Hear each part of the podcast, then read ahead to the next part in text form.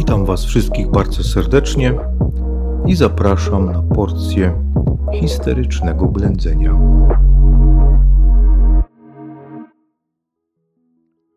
Witajcie. Otwieramy kolejny cykl słuchowisk, kolejną serię audycji o wczesnym średniowieczu. Będziemy tu sobie omawiać różnego rodzaju państwa, kultury, cywilizacje i problemy właśnie tego okresu czasu, a rozpoczniemy od Bizancjum.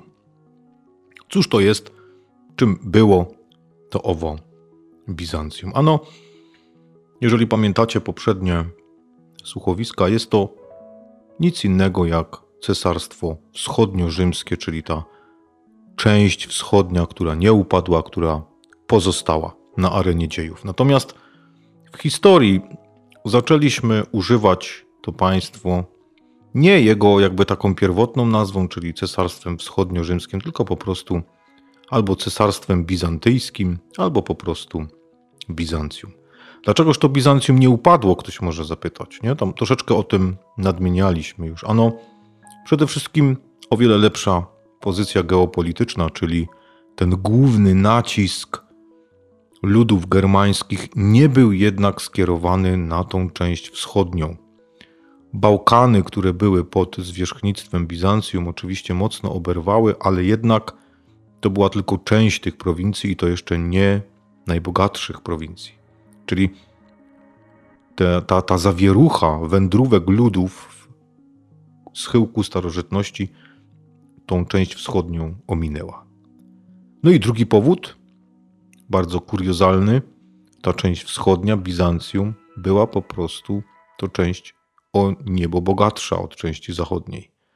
Bardzo bogate prowincje w Azji, w Egipcie, sama też ranga ludnej, potężnej stolicy dostarczała to, dostarczały te prowincje bardzo dużych dochodów, stąd gdzieś tam lepiej gospodarując tymi dochodami, będąc na uboczu, nie pomagając swojemu bratu z zachodu, byśmy powiedzieli, cesarstwo bizantyjskie właśnie w ten sposób przetrwało.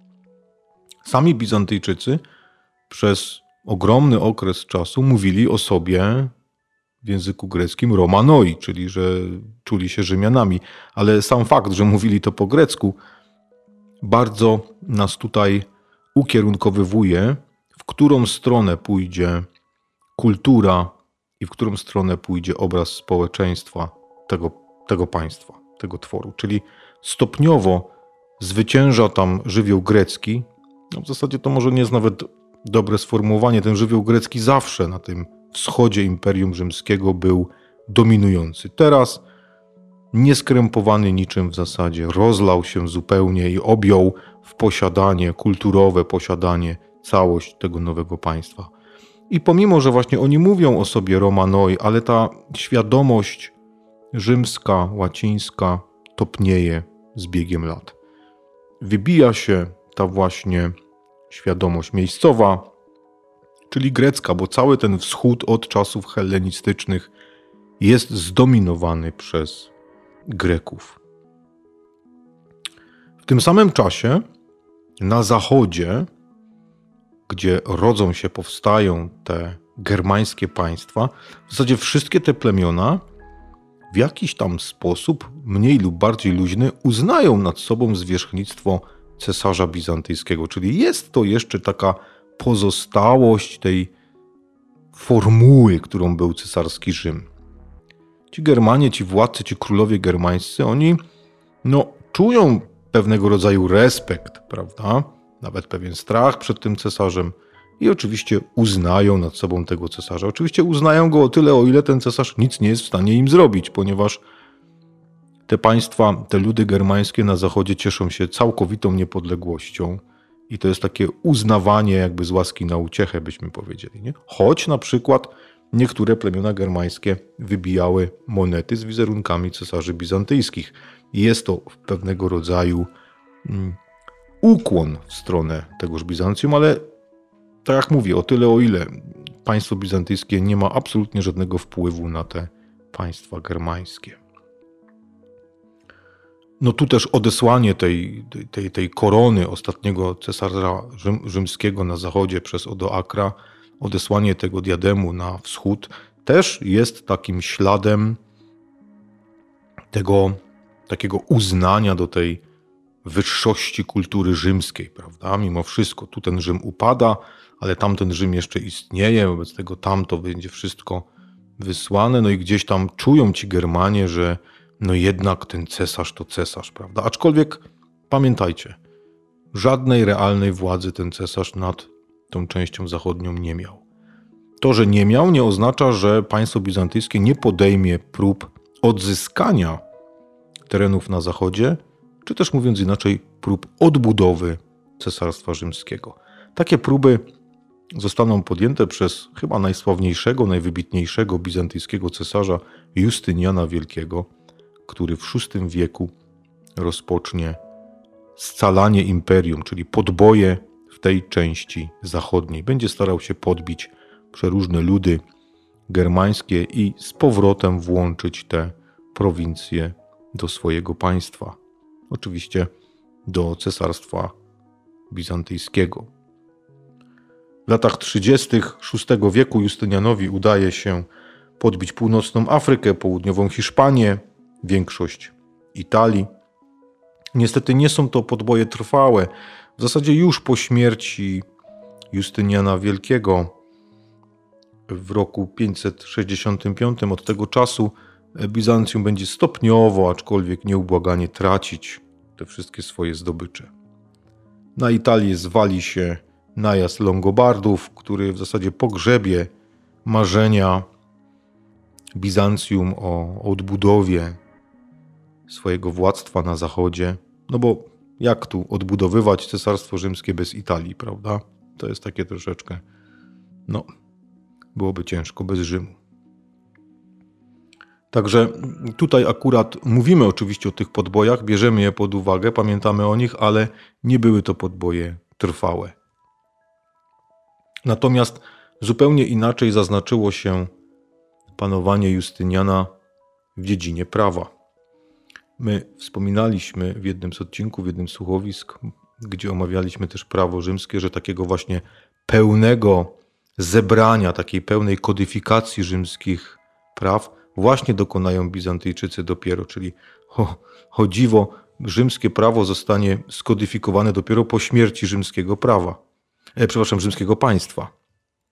I dokona tego właśnie Justynian Wielki. Tak zwany kodeks Justyniana to jest jedno z najwybitniejszych osiągnięć prawnych. No, myślę, że możemy mimo wszystko powiedzieć starożytności, pomimo że to się wydarzyło już we wczesnym średniowieczu, ale jednak kodyfikowano głównie prawa rzymskie, które działały wcześniej w starożytności. Justynian zapisze się również jako wielki budowniczy. W zasadzie wszystkie największe zabytki starożytnego Konstantynopola, czy też, jak kto woli, dzisiejszego Istambułu, pochodzą w zasadzie z czasów panowania Justyniana Wielkiego. On to właśnie reformując państwo, bogacąc państwo, miał środki, stać go było na rozpoczęcie wielkich inwestycji budowlanych. Sławny zresztą kościół, prawda, mądrości Bożej, Hagia Sofia, dzisiejszy meczet, chyba jest takim naj, najbardziej znanym symbolem tegoż budownictwa, sławnego budownictwa bizantyjskiego. Za czasów, za czasów e, Justyniana Wielkiego, przepraszam, mamy do czynienia też z pewnymi takimi, no można powiedzieć, nawet i ciekawostkami, a no właśnie, no właśnie, ci wspomniani kibole. Słuchajcie, Bizancjum jest chyba pierwszym państwem, gdzie mamy do czynienia z udokumentowaną historią grup kibolskich. Oczywiście oni byli też i w Rzymie. Wcześniej, prawda, stronnicy różnych gladiatorów łączyli się w jakieś takie pseudo-małe gangi. Jednakże dopiero właśnie w cesarstwie bizantyjskim sport zacznie się łączyć w sposób nierozerwalny właśnie z kibolami, z bandami kiboli. Oczywiście piłki nożnej wtedy nie znano. Sportem, który elektryzował mieszkańców Bizancjum są wyścigi rydwanów. Dokładniej rzecz biorąc, to mówimy o czterech drużynach, które zawsze między sobą rywalizują, czyli takich cztery kluby stolicy, byśmy powiedzieli, oznaczane kolorami. Te kluby mają swoich zwolenników. Oczywiście dochodzi do regularnych bijatyk pomiędzy tymi, tymi kibolami, tymi zwolennikami tych swoich drużyn. Niemniej jednak te drużyny, czy też nie drużyny, przepraszam, te te grupy kibolskie zdobywają coraz to większe znaczenie. Zagarniają coraz to większą część społeczeństwa, a przywódcy tych grup zaczynają zajmować się również polityką. Dochodzi do tego, że władcy Bizancjum musieli się liczyć z tymi właśnie gangusami, którzy rządzą poszczególnymi e, grupami, poszczególnymi e, zwolennikami, czy grupami kibiców poszczególnych drużyn. Nie? Takim najsławniejszym wydarzeniem w roku 532, właśnie za czasów panowania Justyniana, był tak zwane, było tak zwane powstanie Nika. Nika od z greckiego słowa zwycięstwo, od hasła, prawda, które miało rozpocząć to powstanie, no było to powstanie wszczęte przez właśnie takie grupy kibolskie przeciwko cesarzowi. Justynian dzięki wsparciu swojej małżonki Teodory i oczywiście wiernych wojsk przetrwał przeszedł do kontrofensywy, powstanie stłumił, wymordował coś około 30 tysięcy tych swoich przeciwników, czytaj tych właśnie członków tych, tych grup kibolskich. No, tu bardziej taką, taką ciekawostkę to podajemy, ale jednak gdybyśmy się zajęli tak dokładniej, głębiej byśmy weszli w historię Bizancjum, w historię mm, władzy, w historię różnych przewrotów pałacowych, buntów społecznych i tak dalej, przekonalibyście się, że te grupy kibolskie odgrywają tam bardzo dużą i praktycznie stałą, nieustającą rolę. To jako taka mm, ciekawostka. Władza w Cesarstwie Bizantyjskim jest skupiona w rękach cesarza. Jest to władza absolutna. Mówimy tu o pokłosiu dominatu, czyli o tej ostatniej formie ustrojowej Cesarstwa Rzymskiego z zachodu, wprowadzonej tam jeszcze przez Dioklecjana u schyłku III wieku. Ona ewoluuje i w Cesarstwie Bizantyjskim przechodzi w zasadzie w taki typowy wschodni dominat, w pełnię władzy cesarza, w totalny absolutyzm, łącznie z takimi wschodnimi ceremoniałami, czyli przed cesarzem pada się na twarz, całuje się jego stopy itd. Tak itd. Tak Cesarz jest również zwierzchnikiem kościoła, czyli jest to taki klasyczny cezaropapizm, tak to się w historiografii nazywa, nie? czyli łączenie w jednej osobie władzy duchownej i politycznej. No, niemalże tego cesarza otacza się takim kultem boskim. Nie? On tam zaczyna troszeczkę już w niektórych okresach czasu ten cesarz to już bardziej faraona przypominał egipskiego, z tym padaniem na twarz, całowaniem właśnie stópek, mm, siedzeniem w tych dymach z kadzideł, w jakimś takim specjalnym ubiorze, prawda, złoto-czerwonym, który przysługiwał tylko i wyłącznie cesarzowi, z pustym miejscem po prawicy cesarza, które charakteryzowało y, jakby siedzącego tam Chrystusa, a ten cesarz, prawda, jest tym namiestnikiem tego Chrystusa, nie? To, to my to znamy to z historii generalnie. Takie mm, ewolucje tych systemów religijno-politycznych gdzieś tam lubią często w tą stronę pójść. Nie? Odwali komuś, no i, i potem są tego efekty. E, liczne przewroty pałacowe powodują nieustanne, ciągłe zmiany władzy w, w Bizancjum. Ta nowa władza będzie się brała głównie z dowódców wojskowych, zresztą rola wojska w Bizancjum stale będzie rosła. To te liczne przewroty powodują, że te stare rzymskie jeszcze elity ulegają stopniowemu wykruszeniu z polityki, a ich miejsce zajmują właśnie nowe rody, greckie rody, czy też y, właśnie innych ludów, które gdzieś tam na terenach Cesarstwa Bizantyjskiego zamieszkują, ale też mm, całkowicie w zasadzie pod wpływami kultury greckiej będących. Bizancjum zreformuje również system wojskowy. Jest to o tyle znaczne, że ten system wojskowy rozprzestrzeni się później w zasadzie na całej, w całej Europie w średniowieczu. Ano to właśnie Bizantyjczycy wprowadzą zasadę, żeby nie utrzymywać wojska zawodowego, które jest bardzo drogie, wprowadzą zasadę, iż żołnierzom, ob, żołnierzy obdarowuje się ziemią i ci ludzie w zamian za posiadanie tej ziemi, w zamian za nadanie im ziemi, pełnią służbę wojskową. Tą służbę wojskową w zamian za tą ziemię oczywiście będą pełnić również i ich dzieci. Przyczyni się to, jak słusznie się domyślacie z pewnością, do powstania takiej nowej warstwy społecznej. Nie? To z tego się tam gdzieś wyrodzą, przyszli rycerze. No nie tylko i wyłącznie, bo to na zachodzie będzie miało jeszcze, jeszcze inne inklinacje, ale gdzieś tam jako pierwsi byli właśnie Bizantyjczycy. Tworząc taki nowy rodzaj mm, sił zbrojnych, ten żołnierz oczywiście za dochody z tej ziemi sam sobie mm, zakupuje broń, konia, jeżeli to tam taka umowa z tym cesarzem jest zawarta i tego wymaga. Nie? W dziedzinie kultury Bizancjum zasłynęło y, zachowaniem dorobku starożytności. To jest niekwestionowana zasługa Bizancjum. Mrówcze przepisywanie starych, dawnych ksiąg pochodzących jeszcze ze starożytnego Rzymu. To było coś zupełnie normalnego w Bizancjum, pomimo że Bizancjum troszkę fanatycznie chrześcijańskie, a tutaj mamy do czynienia z księgami pogańskimi, mimo wszystko to, to, to jest kopiowane i dzięki Bizantyjczykom do naszych czasów właśnie to wszystko przetrwało. Zaryzykowałbym stwierdzenie, że olbrzymia część spuścizny pisarstwa starożytności przetrwała do naszych czasów właśnie dzięki Bizancjum, później też dzięki Arabom, prawda, którzy też w jakiś bezrozumny sposób tego nie niszczyli, tylko zachowywali. Ogólnie sztuka kręci się wokół kościoła i religii. W zasadzie jest taka troszeczkę zesztywniała, nie? Ona została pozbawiona tej antycznej lekkości, tej takiej frywolności, nawet by można było powiedzieć. Teraz to jest wszystko ściśle określone, wszystko kręci się w zasadzie wokół jednego tylko i wyłącznie religijnego tematu. Bazyliki, które Bizantyjczycy budują, czyli ta, ta, ta spuścizna architektoniczna po Rzymianach, co ciekawe, zmienią swoją formę, ponieważ pojawi się w tej nowej bizantyjskiej bazylice jako zadaszenie pojawi się kopuła.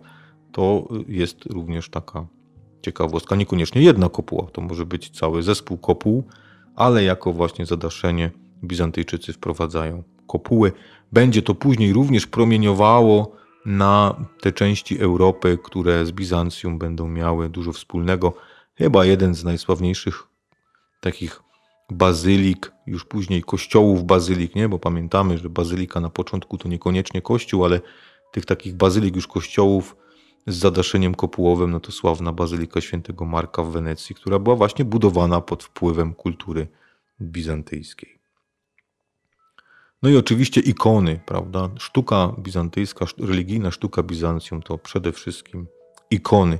Co prawda tych ikon za dużo do naszych czasów nie przetrwało, ponieważ w VIII i IX wieku w tym kraju, w tym państwie dominował taki, taki prąd religijny, który no, miał za zadanie niszczyć te ikony. Tak, dokładnie tak, niszczyć te ikony. Mówimy o tak zwanych ikonoklastach, ikonoklaści, czyli po prostu obrazobórcy, którzy uważali, że tak jak ortodoksyjni muzułmanie, prawda, dzisiaj tworzenie wizerunków Boga jest grzeszne, nie można tego absolutnie robić.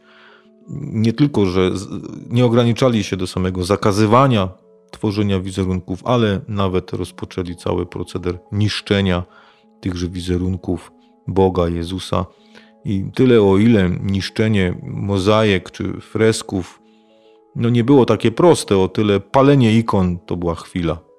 Nie, zatem tych ikon było dużo, robiono z tego takie niemalże e, seanse, prawda, na wielkich stosach palono te, te nieszczęsne ikony, ginęły w ten sposób. Niesamowicie cenne dzieła sztuki.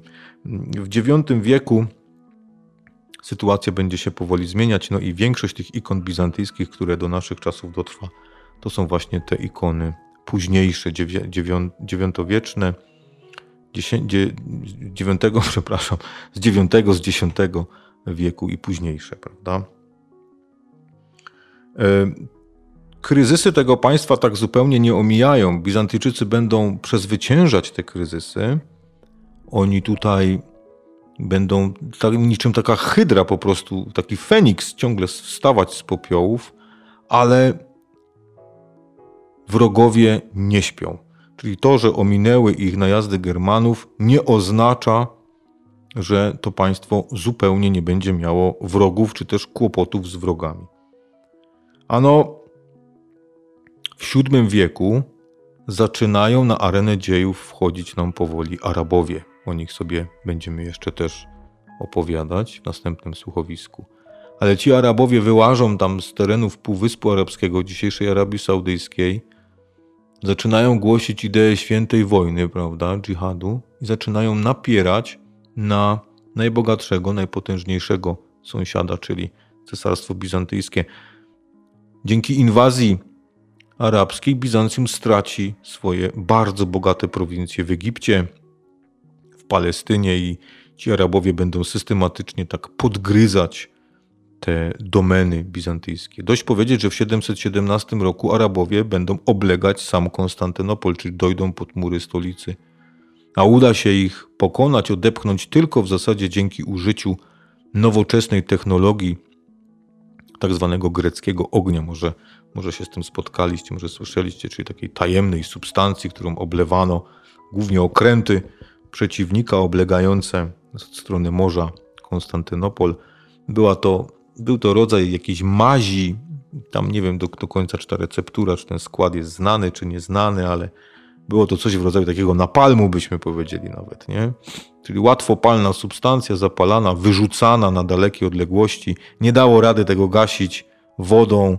E, to spowodowało odparcie inwazji arabskiej. Od północy też nie jest za spokojnie, ponieważ jakby cios za ciosem zadają różne ludy, które dalej zaczynają się w Europie pojawiać. Czyli pamiętamy, ci Germanie odeszli na zachód, Hunowie troszeczkę jako taki lud o kulturze dosyć niskiej, oni tak troszeczkę roztopią się na tym ogromnym obszarze, który zajmowali. Tak, tak jak nagle się pojawili, tak nagle przestali funkcjonować. Ale natura pustki nie lubi. W te puste miejsca z terenów Azji zaczęły nadciągać nowe ludy, i one nie atakowały tych biednych plemion germańskich, jeszcze na dodatek bardzo wojowniczych, gdzie te łupy byłyby stosunkowo niewielkie, tylko kierowały się właśnie na Bałkany w stronę Konstantynopola.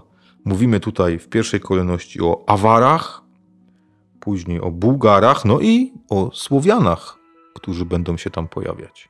To z tymi ludami od północy Bizancjum będzie miało coraz większe problemy. W końcu miejsce Arabów zajmą Turcy na wschodzie i to będzie to najgorsze zagrożenie, nie? czyli również lud azjatycki, lud turkmeński przybyły właśnie z terenów Azji Południowej, przejmujący islam powoli, on stanie się, jak się okaże, największym zagrożeniem dla państwa bizantyjskiego i ten lud, właśnie to Turcy, zadadzą ostateczne ciosy państwu bizantyjskiemu. Oczywiście swoje trzy grosze włożyły też państwa Europy Zachodniej. Oczywiście wybiegamy tutaj już niesamowicie mm, w przód, prawda, bo tutaj skaczemy tak z tego okresu wczesno średniowiecznego, aż niemalże na schyłek średniowiecza, bo pamiętajcie, że upadek, ostateczny upadek Konstantynopola, rok, 1000, rok 1453, to jest również data kończąca średniowiecze, czyli przez całe średniowiecze Bizancjum będzie istniało. Raz lepiej, raz gorzej, prawda? Raz e, będzie to państwo bardzo potężne, raz chylące się ku upadkowi, ale przetrwa jeszcze tysiąc lat. Dopiero Turcy zadadzą ostatecznie ciosy. Do osłabienia państwa bizantyjskiego w XIII wieku bardzo mocno przyczynią się państwa Europy Zachodniej, papiestwo, a dokładnie rzecz biorąc ruch krucjatowy, czwarta krucjata, nie popłynie, nie, nie, nie uderzy w Arabów, w Turków, tylko uderzy właśnie w Konstantynopol, Bizancjum i osłabi to państwo bardzo, bardzo mocno. Czyli ten drugi Rzym, byśmy powiedzieli, przetrwał praktycznie tysiąc lat, po, jeszcze tysiąc lat po upadku tego pierwszego Rzymu, nie? czyli ten Konstantynopol będzie trwał i w tym okresie czasu będzie promieniował swoją kulturą, swoją religią, czy też swoją wersją chrześcijaństwa, tak powinienem powiedzieć, będzie promieniował bardzo mocno i w szczególności na te ludy Europy Wschodniej, południowej i wschodniej. Kultura Bizancjum najmocniej widoczna będzie w czasach późniejszych na Rusi. Rusini będą takimi spadkobiercami właśnie kultury bizantyjskiej. Takimi spadkobiercami będą się czuć. Dobrze. Dziękuję Wam bardzo za uwagę i zapraszam na kolejny odcinek naszego słuchowiska.